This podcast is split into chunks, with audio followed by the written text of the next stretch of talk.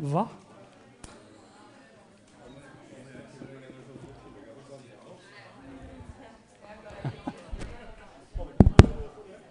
Jo, jo.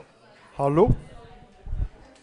Ja, da skal vi, før vi begynner vår forelesning, ha en kort Innledning. innledning.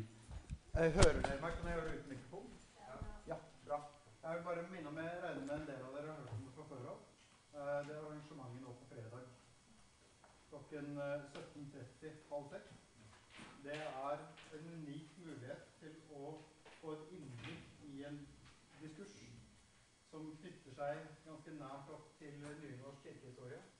eh, Som dere skal bli eh, undervist i på det emnet her fra neste gang av og utover. Eh,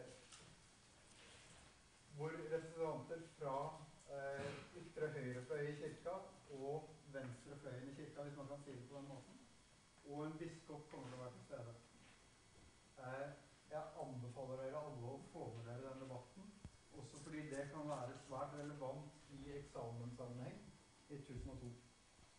Det dere skal lære om nå de fire neste gangene etter religiøse ledere, er eh, mye av det som skjer fra eh, slutten av 1800-tallet og utover med norsk kristendom, med en type fraksjonering av, eh, av eh, kristendommen og kirka i ulike fløyer. De som kommer hit på fredag, er arvtakerne til de typer måtene å tenke kirke på. Det var jo en veldig fin introduksjon, Markus, til mine kommende forelesninger. Ja. Perfekt. Det, Enkelt. ja, ja, ja, ja. Så, Hæ? eh, Mm, jeg Jeg har fått godkjenning til å ta den opp, men jeg kommer ikke til å legge den ut åpent. Eh, Men du kan sikkert legge den i fronter. ja, jeg kan legge den i fronter, men jeg anbefaler dere å være her, i alle fall, fordi det er en debatt, og det er noen temaer som, er, som kommer til å komme opp først mot slutten antageligvis, som det er interessant også hvis dere er klar over på, for, på forhånd. Blant annet så er to av representantene, eller en av representantene, representerer en sentral, eh, altså en sentral, en sentral aktør innenfor en eh, variant av islamofobidiskursen i Norge.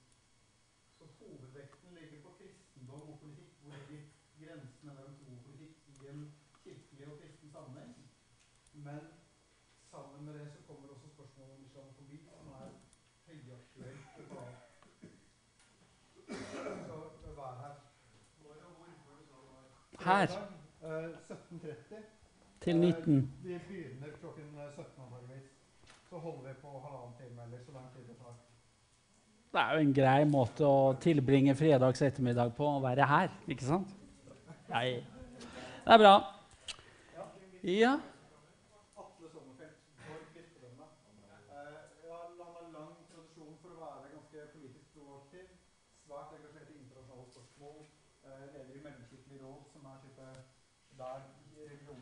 Nei, ikke leder. Han er bare vanlig medlem.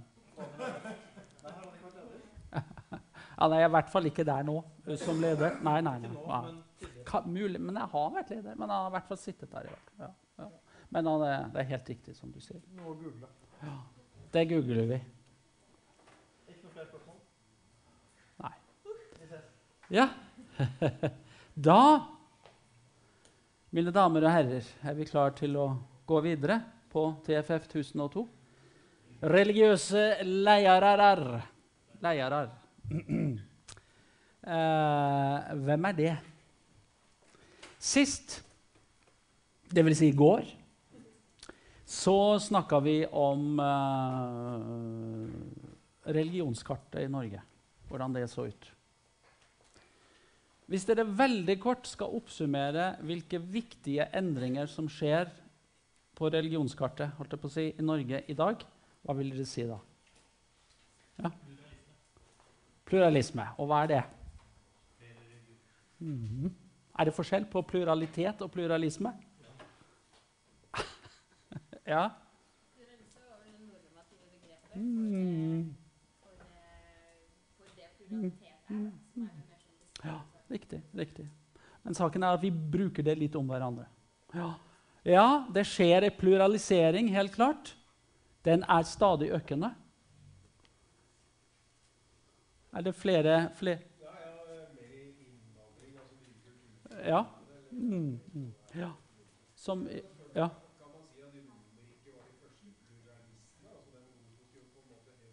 Ja, ja, ja.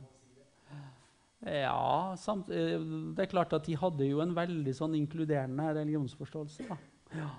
Um, og så, så, var det samtidig noen ting som måtte stå fast, f.eks. keiserdyrkinga, som de la veldig sterk vekt på. Blant annet. Men da, da, er vi over i 1001, på en måte. Men altså, det er viktig nok, det. altså. Men det er interessant å dra linjer. Så det er spennende. Ja, altså religiøst sett var jo Romerike en smeltedigel. Helt klart. Ja. Uh, pluralisering. Økende, uh, øk, et økende religiøst mangfold kjennetegner Norge. Men hvor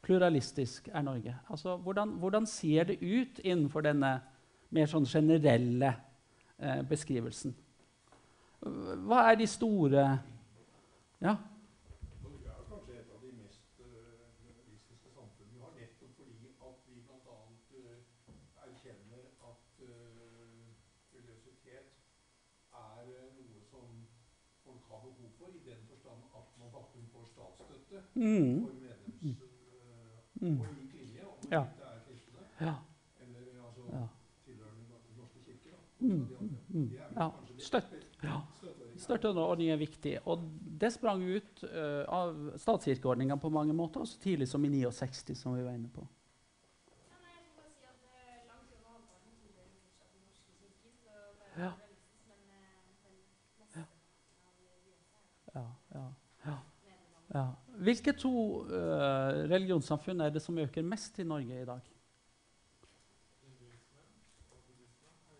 Ja, uh, prosentvis. Men hvem har den største oppslutninga utenom Den norske kirke? Islam og Ja, Den katolske kirke. Det er riktig. Bra. Da har vi fått broen som fører oss over, videre over til det vi skal snakke om i dag, som er religiøse ledere. Eh, det pluralistiske samfunnet, det, eh, det, religionspluralistiske samfunnet fører jo til eh, endringer også når det gjelder religiøst lederskap. I det gamle samfunnet så hadde vi bare én type religiøse ledere. Hvem var det, tror dere? Ja? Nei Før um, ja. Da er du i middelalderen. Ja. Mm. Men prestene er jo viktige. Ja, Prestens rolle var jo viktig, biskopens rolle var jo viktig i det gamle samfunnet. Men det forutsatte jo et religiøst homogent samfunn. Der er vi ikke. Vi har fått flere religiøse ledere. Og spørsmålet er hva er de religiøse ledernes rolle og posisjon i dagens samfunn? Det skal vi si litt mer om i denne forelesninga i, i, dag. Som en sånn videreføring av det vi egentlig snakka om i, i går. Eh, vi skal her ha et fokus på deres rolle. Hvilken makt, eller jeg har på å si ikke-makt, de har. Eh, som vi var inne på i går, i Norge så er jo feltet religion i stadig endring. Og det får selvfølgelig også store konsekvenser for de rammevilkår som religiøse leder, ledere virker innenfor, og den rolla de også får. Og så er det et annet viktig spørsmål hvordan trosfeller forholder seg til religiøse ledere. Altså Én ting er religiøse ledelser, lederes posisjon i samfunnet som sådan, i offentligheten. Så er en annen ting hvordan hvilken rolle og hvilken makt de har innad i det enkelte trossamfunnet eller religionssamfunnet. Så det er noe av det vi skal, det vi skal se på eh, i det følgende. Dette er bare et eksempel på religiøse ledere i Norge. Dere ser sikkert hvor det er. Eh, eh, Det teologiske fakultet har i hvert fall fire ganger, skal begynne på den femte gangen, på oppdrag fra eh, Kunnskapsdepartementet arrangert kurs for religiøse ledere i Norge. Hvor man går nettopp inn i det kontekstuelle. Og her er alle religioner, som dere ser. Her er mangfoldet representert i forhold til hva vil det si å være en religiøs leder i Norge. Hvilke forventninger stilles, osv. osv. Det å bli bevisstgjort på den norske konteksten er viktig. Og dette fakultetet er altså av myndighetene blitt betrodd oppgaven med å skolere religiøse ledere i Norge i forhold til dette. Det er, en spennende erfaring og en, en spennende mulighet. Den faglige lederen for det har jo vært Oddbjørn Leirvik, eh, som nå er, er studiedekan. En annen illustrasjon på religiøse ledere i dialog. Det er vel først og fremst det som er viktig å notere seg, at religionsmangfoldet fører til mange ting. Det kan selvfølgelig føre til konflikter, uoverensstemmelser. Det kommer vi ikke bort fra. Men det gir også en mulighet for dialog. Og ikke minst verdien av dialog. Mellom ikke bare mellom religiøse tradisjoner, men også mellom personer som representerer eh, disse tradisjonene. Her har vi Det norske bispekollegiet. Det, vil si, det er ikke helt sånn som det ser ut i dag, for det endres jo stadig. Men de var på en tur til Lofoten. De, de, gjorde jo rett i det. De valgte Lofoten, for der er det jo så pent. Så det er fra turen der. Eh, men det er en illustrasjon igjen på dette som vi innledningsvis sa bispekollegiet i dag, hører vi på dem? Er de en offentlig stemme som blir hørt på? Eller jeg håper å si er verdt å høre på? Det kan vi jo se som et Har, har bispekollegiet på noen måte en religiøst autoritativ røst i dagens samfunn, eller, eller hvordan er det? Det kan vi jo reflektere over. Ja, det vil du til og med svare på. Ja, ja, eller nei? Nei da.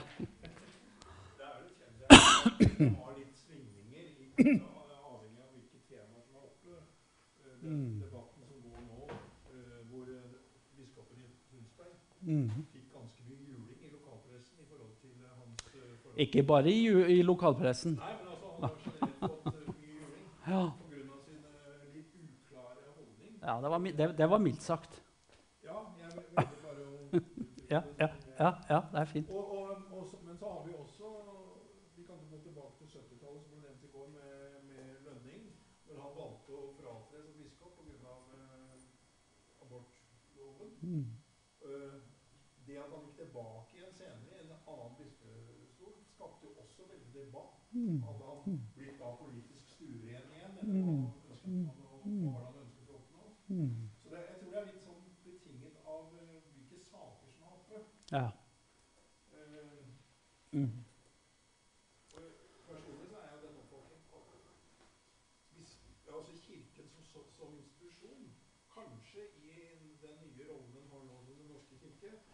kanskje i mange tilfeller bør opptre noe mer som en politisk uh, korrupsjon til, til ja. og der har vi jo en veldig viktig debatt som, uh, som har blitt reist. Det er jo hvorvidt Kirka kan spille en politisk rolle eller ikke. Ja?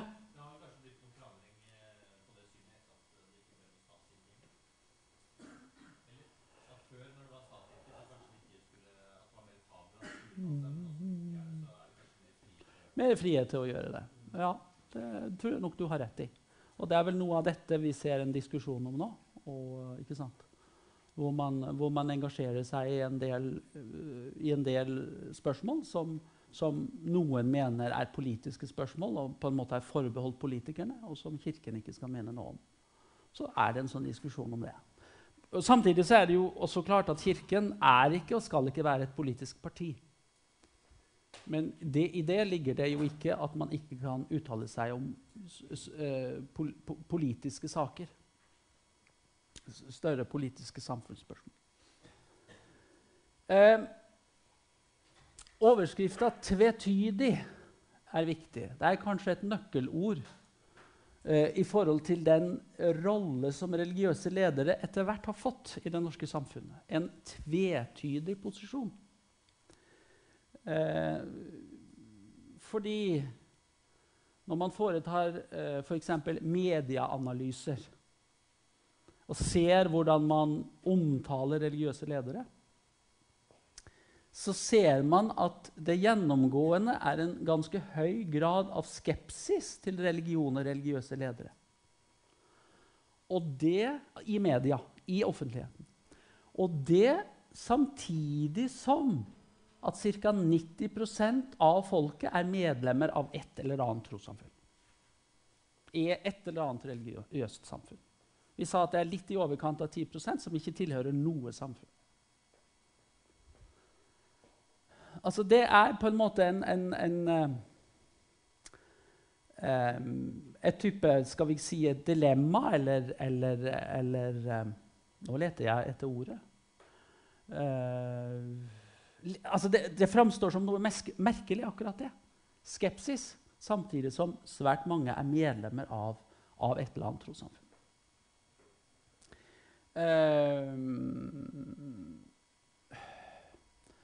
På, ja.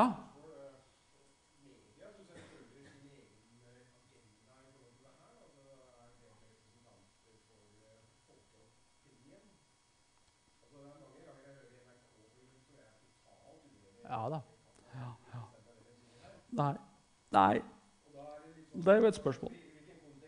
Ja, ikke sant? Ja, med, ja da. Mm. Ja. Ja. Nei, du kan jo både analysere media, og så kan du gjøre noen spørresøkelser med noen eh, mennesker. ikke sant? Så får du et, kanskje et annet bilde. Mm. Og man, man har til dels gjort begge deler. Men det er klart medieoppfatninga og media, Men det er jo også for at, at media speiler jo kanskje noen synspunkter også, da. Men det er ikke sikkert at de er representative likevel, hva som kommer fram. Ja. Mm. Ja. Ja. Mm.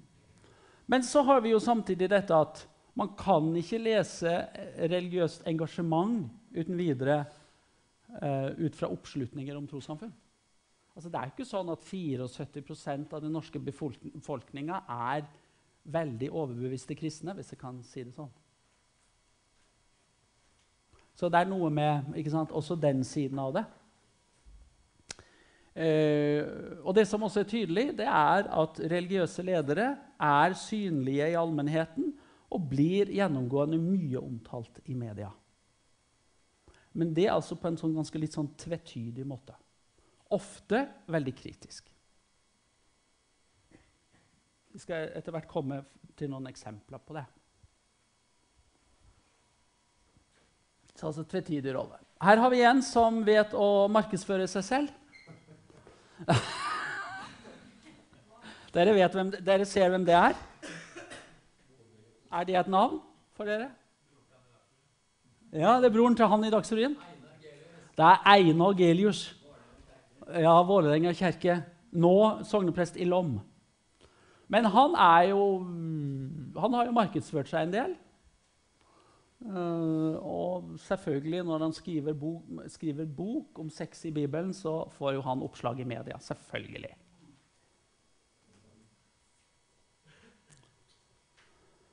Uh, det som vi kan uh, legge merke til i media, og i medias omtale av religiøse ledere, det er at eh, man kanskje Kanskje er det riktig å si at religiøse ledere møtes av en, det vi kan kalle en stereotyp kritikk.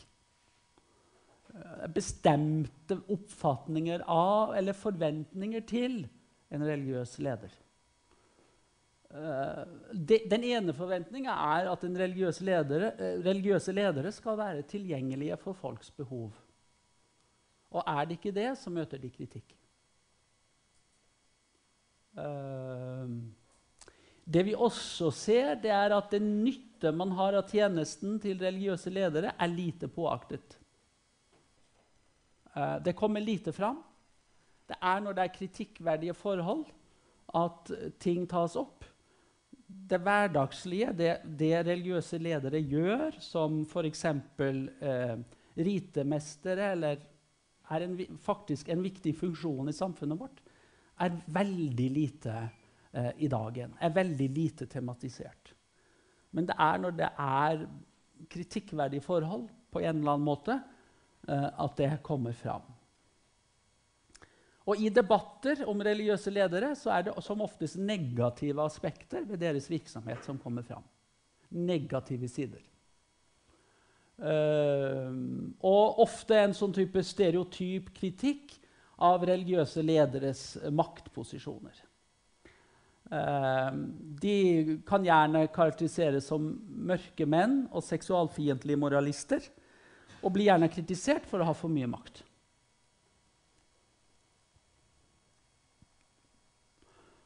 Og spørsmålet er er ikke dette i for stor grad stereotypier, bestemte former eh, for kritikk, som ikke nødvendigvis samsvarer helt med eh, den faktiske virkelighet som, eh, som religionsledere er en del av i dag.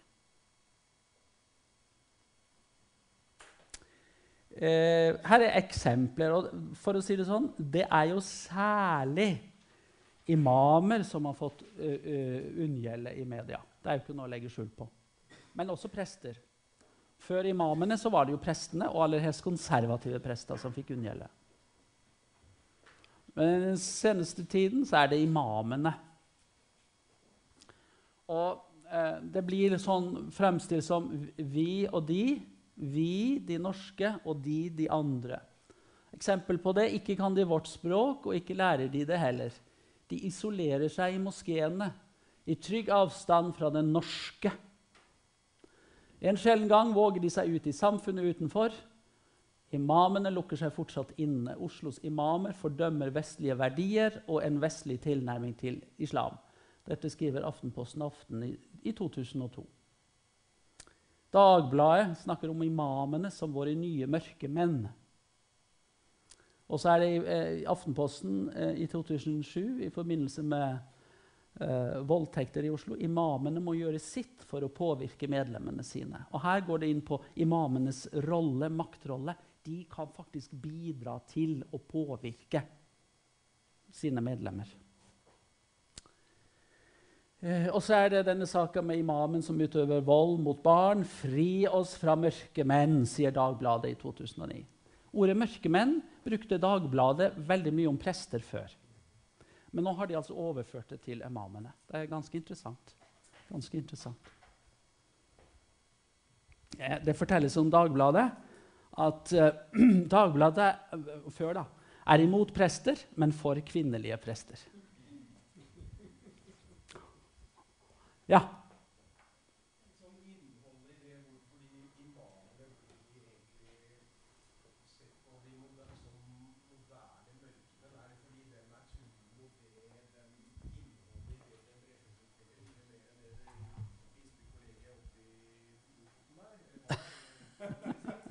Bispekollegiet i Lofoten? Ja. Ja, ja, ja, jeg skjønte det. Jeg forstår hva du prøver å si, ja. Mm, ja da. Mm. Ja, det, er det, er mulig. Det er, det er, det er mulig. Og, og, men det er også helt klart at, at, her spiller det nok inn uh, at det er noe fremmed, noe andre typer verdier ikke sant, som også spilles inn, uh, og som blir veldig negativt vurdert. da i samfunnet. Det kan jo, det, det kan jo også være. Ja? Hvis man tar utgangspunkt i de sitatene du har der, mm. representerer jo det sitater som i realiteten er godt over fem-seks år gammel. Ja. Eh, fordi at Noe som slår meg, er jo nettopp den bevisstgjøringen som en del yngre imamer har representert. Ja. i at Den har gått inn veldig tydelig på at den vil bli synlig. Mm. Og, de, og den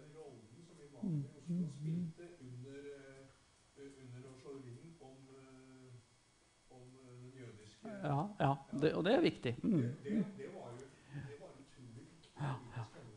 Det var det. Så nettopp det maten sto for. Så jeg, jeg føler på en måte at det har skjedd en betydelig endring Mm. de siste fem-seks årene. Ja. Ja, det har det, det, har det nok gjort. Ja. Ja, Ja, nei, så, så det er interessant. Altså, at det skjer ting her, det er helt åpenbart. Det har du helt rett i. Eh, det har du helt rett i. Um, men så har du jo dette spørsmålet da, i hvilken grad kan man si at religiøse ledere i vår tid har makt? Um, og samtidig Og jeg mener det, det er jo diskutabelt. Altså, det er ikke tvil om at religiøse ledere eh, har mistet mye makt i det norske samfunnet. Eh, og at det har hatt sammenheng med det vi snakka om i går, nemlig sekulariseringa. Eh, men samtidig så er det jo viktig å se at eh, man har samtidig makt. Men det er spørsmål å se hva slags type makt det er. Altså, Det er viktig å gripe den særegne forma for makt som religiøse eh, ledere kan få.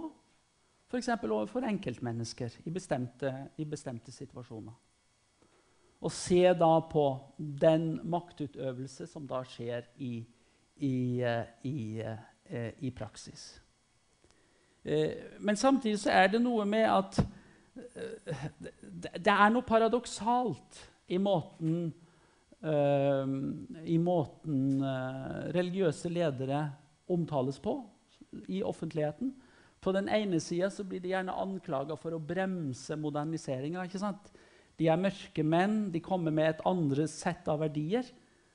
Og samtidig så blir f.eks. imamer anklaget for å true norske kristne verdier.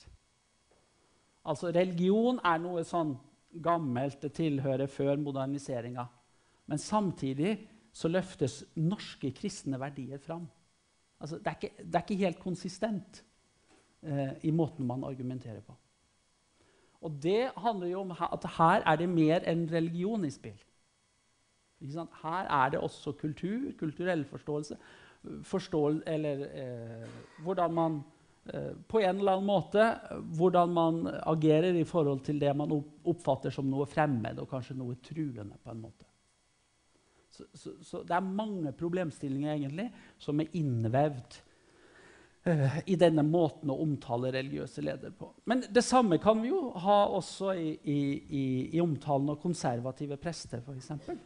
Som var inne på i forbindelse med homofilidebatten. og uh, hvor, altså, eh, hvor altså konservative prester, eh, som er imot at eh, homofile skal kunne gifte seg i kirka, blir anklaget for å ha antikverte holdninger og, og, eh, og, og sånne ting. Så, så, så dette gjelder ikke bare imamer, og det er veldig viktig, å, veldig viktig å se. Det er et mønster som, vi, som gjelder også andre religiøse ledere.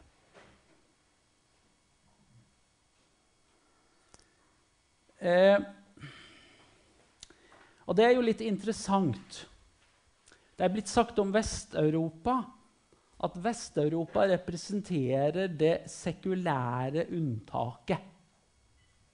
Som vi var inne på i går, den klassiske sekulariseringshypotesen var jo at religion Bare man får litt tid på seg, så vil religionen forsvinne. Det er sekulariseringa.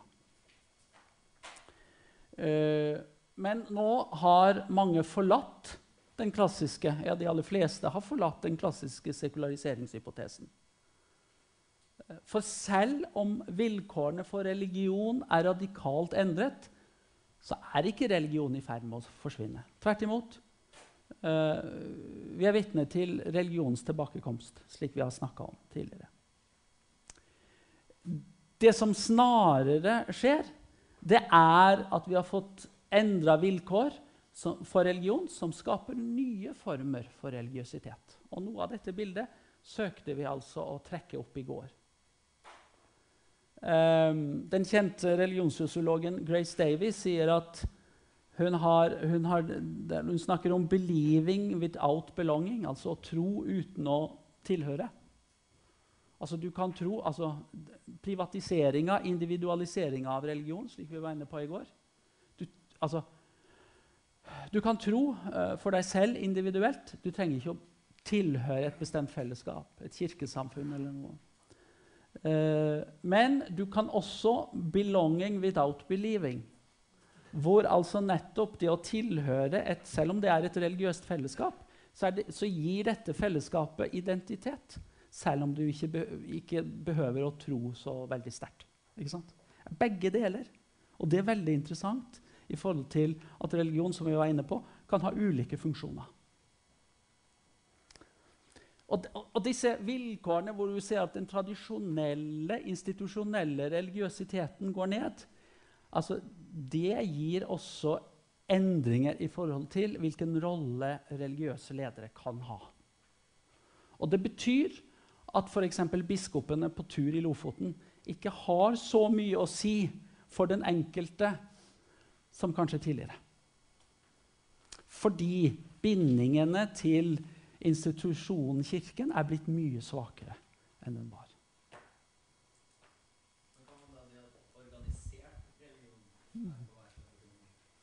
Eh, nei, du kan ikke det uten videre. men den, Det er ikke sikkert den forsvinner, men den er i nedgang. Ja.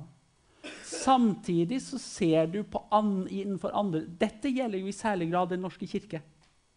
Men hvis du ser på islam, hvis du ser på uh, den katolske kirke, så er det jo det motsatte. Der øker jo tallet på de som slutter seg til. Altså i hvert fall de som, ja, For det er jo medlemstallet som, som telles her. Hvor mange som reelt sett kan sies å tilhøre, men ikke er registrert som det. Det tallet er nok mye høyere, men det er det som er det registrerte tallet, og det går stadig opp. Så du kan si altså, vi har begge deler. Altså, Vi har Den norske kirke, 'believing without belonging'. Uh, nei, 'belonging without believing' er kanskje Den norske kirke. Nå, nå, setter jeg det på spissen.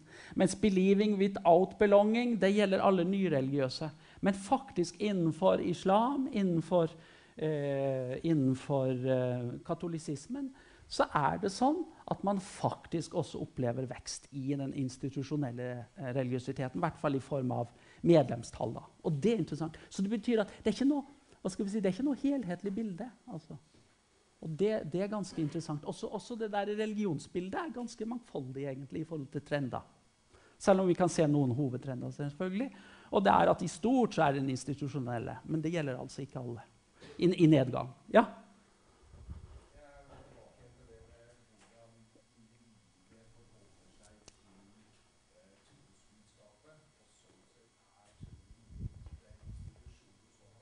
Ja. Ja. Ja. ja. ja.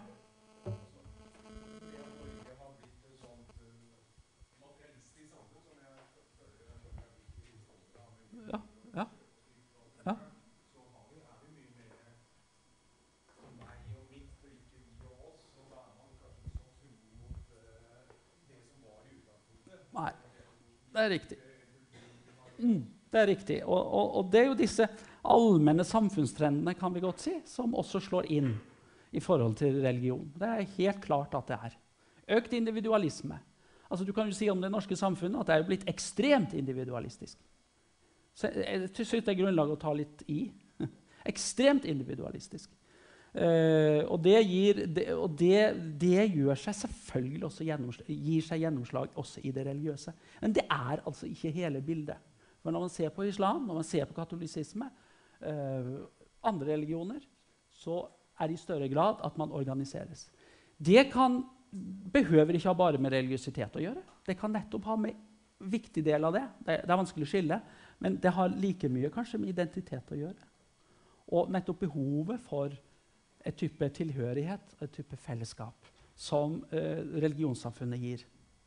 Så, så her kan det være mange, mange eh, motiver in, in, in, involvert. Eh, vi kan til og med snakke om et religionssamfunn som eh, eh, type vikarierende religion. Altså de som, de som ikke er Altså de som eh, 'Belonging without believing'. Det er den gruppa. 'Belonging without believing'. Altså, Hva er det som gjør at 74% av det norske folk blir stående i Den norske kirke, mens kanskje halvparten sier at de tror på Gud. Altså Her er det jo en diskreprans. diskrepans. ikke sant? Hva, hva, er det som gjør det? Jo, et viktig begrep her som, kan, som man kan uttrykke det, er begrepet vikarierende religion. Mange er ikke spesielt religiøse, men de kan aldri tenke seg å melde seg ut av kirka. Og de er veldig glad i kirkehuset sitt. Jf. det vi snakker om folkereligiøsitet, da vi så på det, prøvde å dele inn etter regioner i går. Altså, her spiller faktisk Den norske kirke en rolle fremdeles som en type folkekirke. Uh, altså, du kan ikke måle en bestemt form for religiøs aktivitet ut fra, ut fra medlemskap. Men kanskje er det nettopp sånn at Den norske kirke kan fungere som en type leverandør av en type eh, vikarierende religion for folk flest. Ja, men vi har nå kirka når vi, har, når vi trenger noe. Ved dåp. Ja, det må vi etter hvert begynne å vurdere. for ikke sant? Det er ikke, det er ikke, men ved konfirmasjon.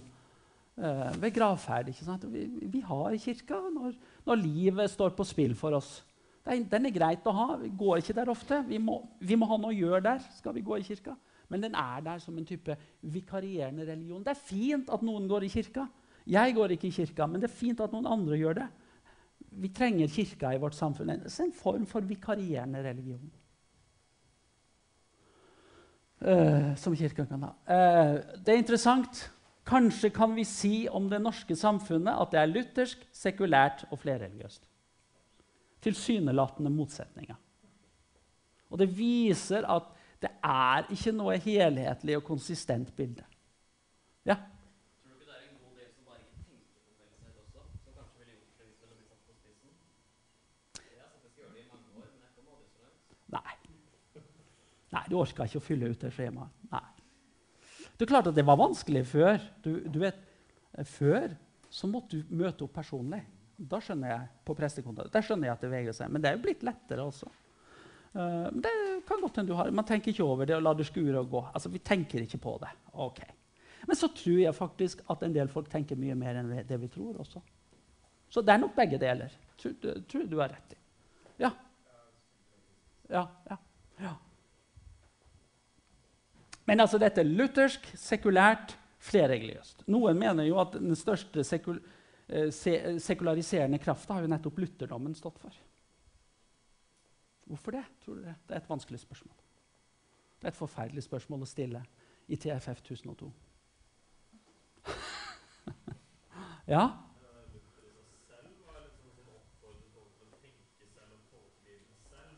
Ja.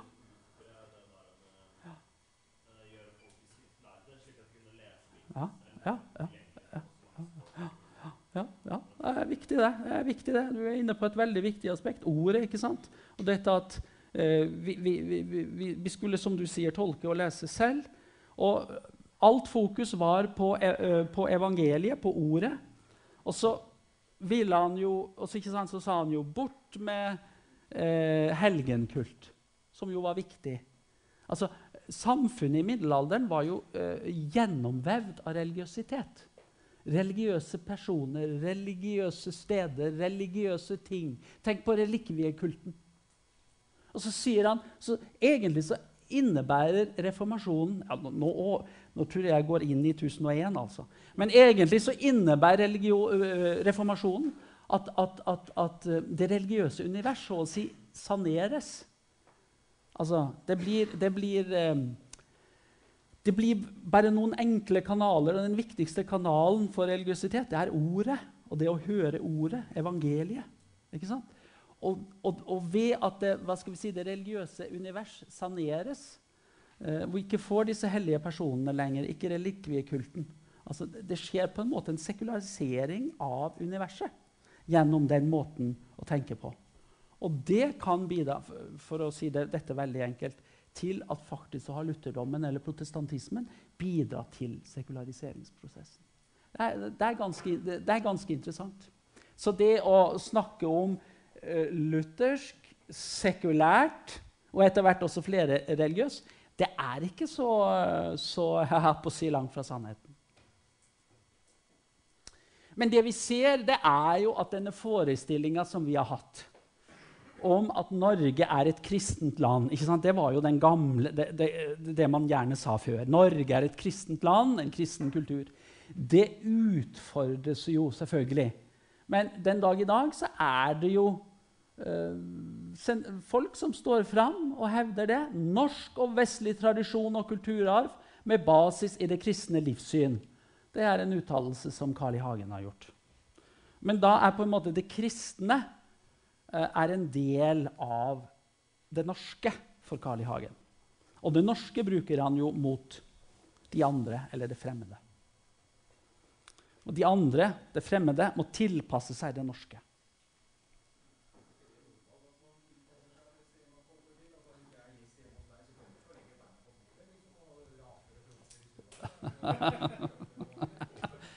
nei, nei, men uh, det, det, det, er nå greit. Uh, men uh, OK. Ja, jeg vet ikke hva jeg skal si til det. Jeg tror ikke jeg sier så mye. Ja? Jeg tror også det er noe grunnleggende litt dypere i mye av det vi nå snakker om. fordi at man har, Vi har jo også hatt en tradisjon for at eh, hvis vi går tilbake til vår egen innlandsvisjon, og da tenker jeg på haug, eh, haugianerne, eller Hauge, hvor altså han faktisk var en folkebygger. Han eh, sørget for at, han sørget sågar for arbeidsplasser. Han øh, gjorde liv laga. Det sitter igjen en del sånn dyptliggende tradisjoner. og den, vi, Du snakka litt grann om det i går. Altså eh, om det med forholdet til han, altså i betegnelsen været. Mm, mm, ja, ja, ja. ja, ja, ja, ja. Ja, ja, ja, ja, ja. Ja da. Ja. Ja. det? Ja, ja, ja, ja, ja. Ja, ja, Ja, da, det er klart. Og- Ja da, og dette skal vi ikke kimse av. Eh, og det er nettopp dette med at det er en opplevd sammenheng mellom kristne verdier og nasjonal identitet. Og det gjør at for mange mennesker i Norge i dag så det kristne, har det kristne kanskje en sånn vikarierende funksjon. i forhold til, ikke sant? At det hører med også til det å være norsk. Vi har jo en del sånne debatter rundt det. Det er jo ikke så lenge siden vi hadde debatt hva var det norske. Når man kom opp hva det norske var, så var det stort sett importert alt sammen. Men det er nå en annen sak. Ja. Å, nei, den norske kaffen, den er nå god! Ikke sant? Norsk kaffe. Ja, og så videre. Ikke sant? Altså, ja. Det nærmeste vi kommer, det er 17. mai og lapskausen, er det ikke det? Ja. ja. ja. Lapskausen er dansk. Ja, ikke sant? Ja, men vi var jo i en union en gang. Hallo! Ja. Nei, ikke sant? Ja. Så nå er det svenske kjøttbuller. Vi var jo i en union med dem òg. Yes. Bare gå på Ikea, så får dere svenske kjøttbuller. Um, en annen side ved religiøse ledere er jo altså, i tråd med dette med vikarierende religion. Altså, de representerer noe for et fellesskap. ikke sant? At religiøse ledere kan fungere som representasjon. Ehm, altså ehm, Den viktigste kilda til legitimitet for de religiøse lederne det er at de representerer noe hellig i en eller annen forstand. Noe annerledes, noe overempirisk, jf. når vi diskuterte religionsbegrepet. De representerer noe som er annerledes, det hellige, eller hva vi kaller det. Um, og hovedredskapen som de religiøse ledere har i denne funksjonen, det er jo ordet. Altså hva de sier. De formidler. Kan også formidle gjennom ritualer, selvfølgelig. Og der kommer jo eh, religiøse lederes sentrale rolle som ritualledere inn i bildet. Slik er de formidlere av noe annet, av, av det hellige i en eller annen forstand. Eh, og de får dermed, og kanskje er det nettopp den, eh, den viktigste posisjonen som religiøse ledere har fremdeles. Denne representative funksjonen. Altså De får en sentral posisjon innenfor det vi kan kalle et kollektivt minne eller et vikarierende behov. Uansett om ø, hvorvidt vi er sterkt religiøse eller ikke, så har vi et behov for overganger i livet. Markeringer. Og vi har ikke så mange alternativer, så mange går i kirka. Ikke sant? Når det er dåp fremdeles, så er det jo 59 som går og døper ungene sine. ikke sant? Eh, 15-åringer som konfirmerer seg, eh, osv. Eh, det er riktignok ikke de døde som velger å begraves i Den norske kirke. Det er jo da eh, pårørende som velger for dem. Men likevel. Altså, det er jo en viktig overgang for de levende som er igjen. Og det bør helst skje i kirka. 90% sier at det må skje i kirka. Ikke sant? Da har du noe sånne grunnleggende. Eh, de representerer tradisjonen, de religiøse lederne. De representerer kontinuiteten. Eh, orden når på en måte kaos liksom griper inn i vårt velregulerte samfunn. Så kan de religiøse lederne ha en viktig eh, posisjon med å representere tradisjon og kontinuitet eh, og den type ting. Ja. Så vi ser bare religion når vi trenger det, og vi ser bare religiøse ledere når vi kan kritisere det. Ja, eh, for noen så eh, tror jeg nok det. Jeg, jeg tror det er en veldig grei oppsummering på mange av de tingene vi møter f.eks. i media. Mm. Men det viser at de likevel har en viktig posisjon. Men den er ikke for å si det sånn, den er ikke så veldig godt satt ord på. Ja.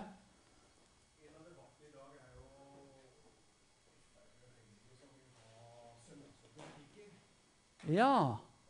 Nå, nå, nå ja, ja, ja, hva er det for noe? Ja, det at man skal ha en dag hellig i Ja. Ja. ja. Ifølge Bibels tradisjon, da vi- Gud skapte verden på seks dager, så hvilte han den syvende. Og det har vi liksom holdt ved å ha søndagene som en dag i Mm. vår del av verden som hellig, eller at vi ikke gjør noen ting. Da. Mm. Og nå har de snakket om at eh, de vil ha det også til en handelsdag. Da er det motstand i samfunnet og i folket som vil ha en fridag, og spesielt KrF, da, som representerer de kristne verdiene. Og den type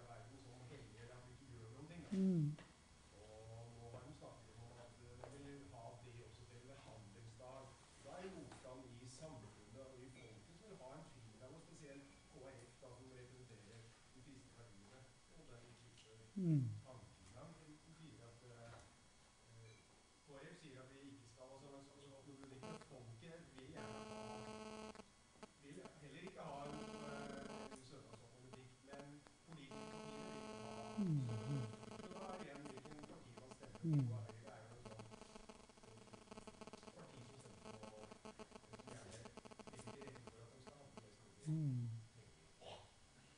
Ja, nei, det, det er en interessant debatt, det der. Ja.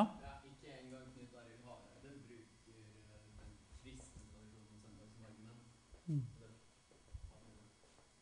Nei, han gjør ikke det.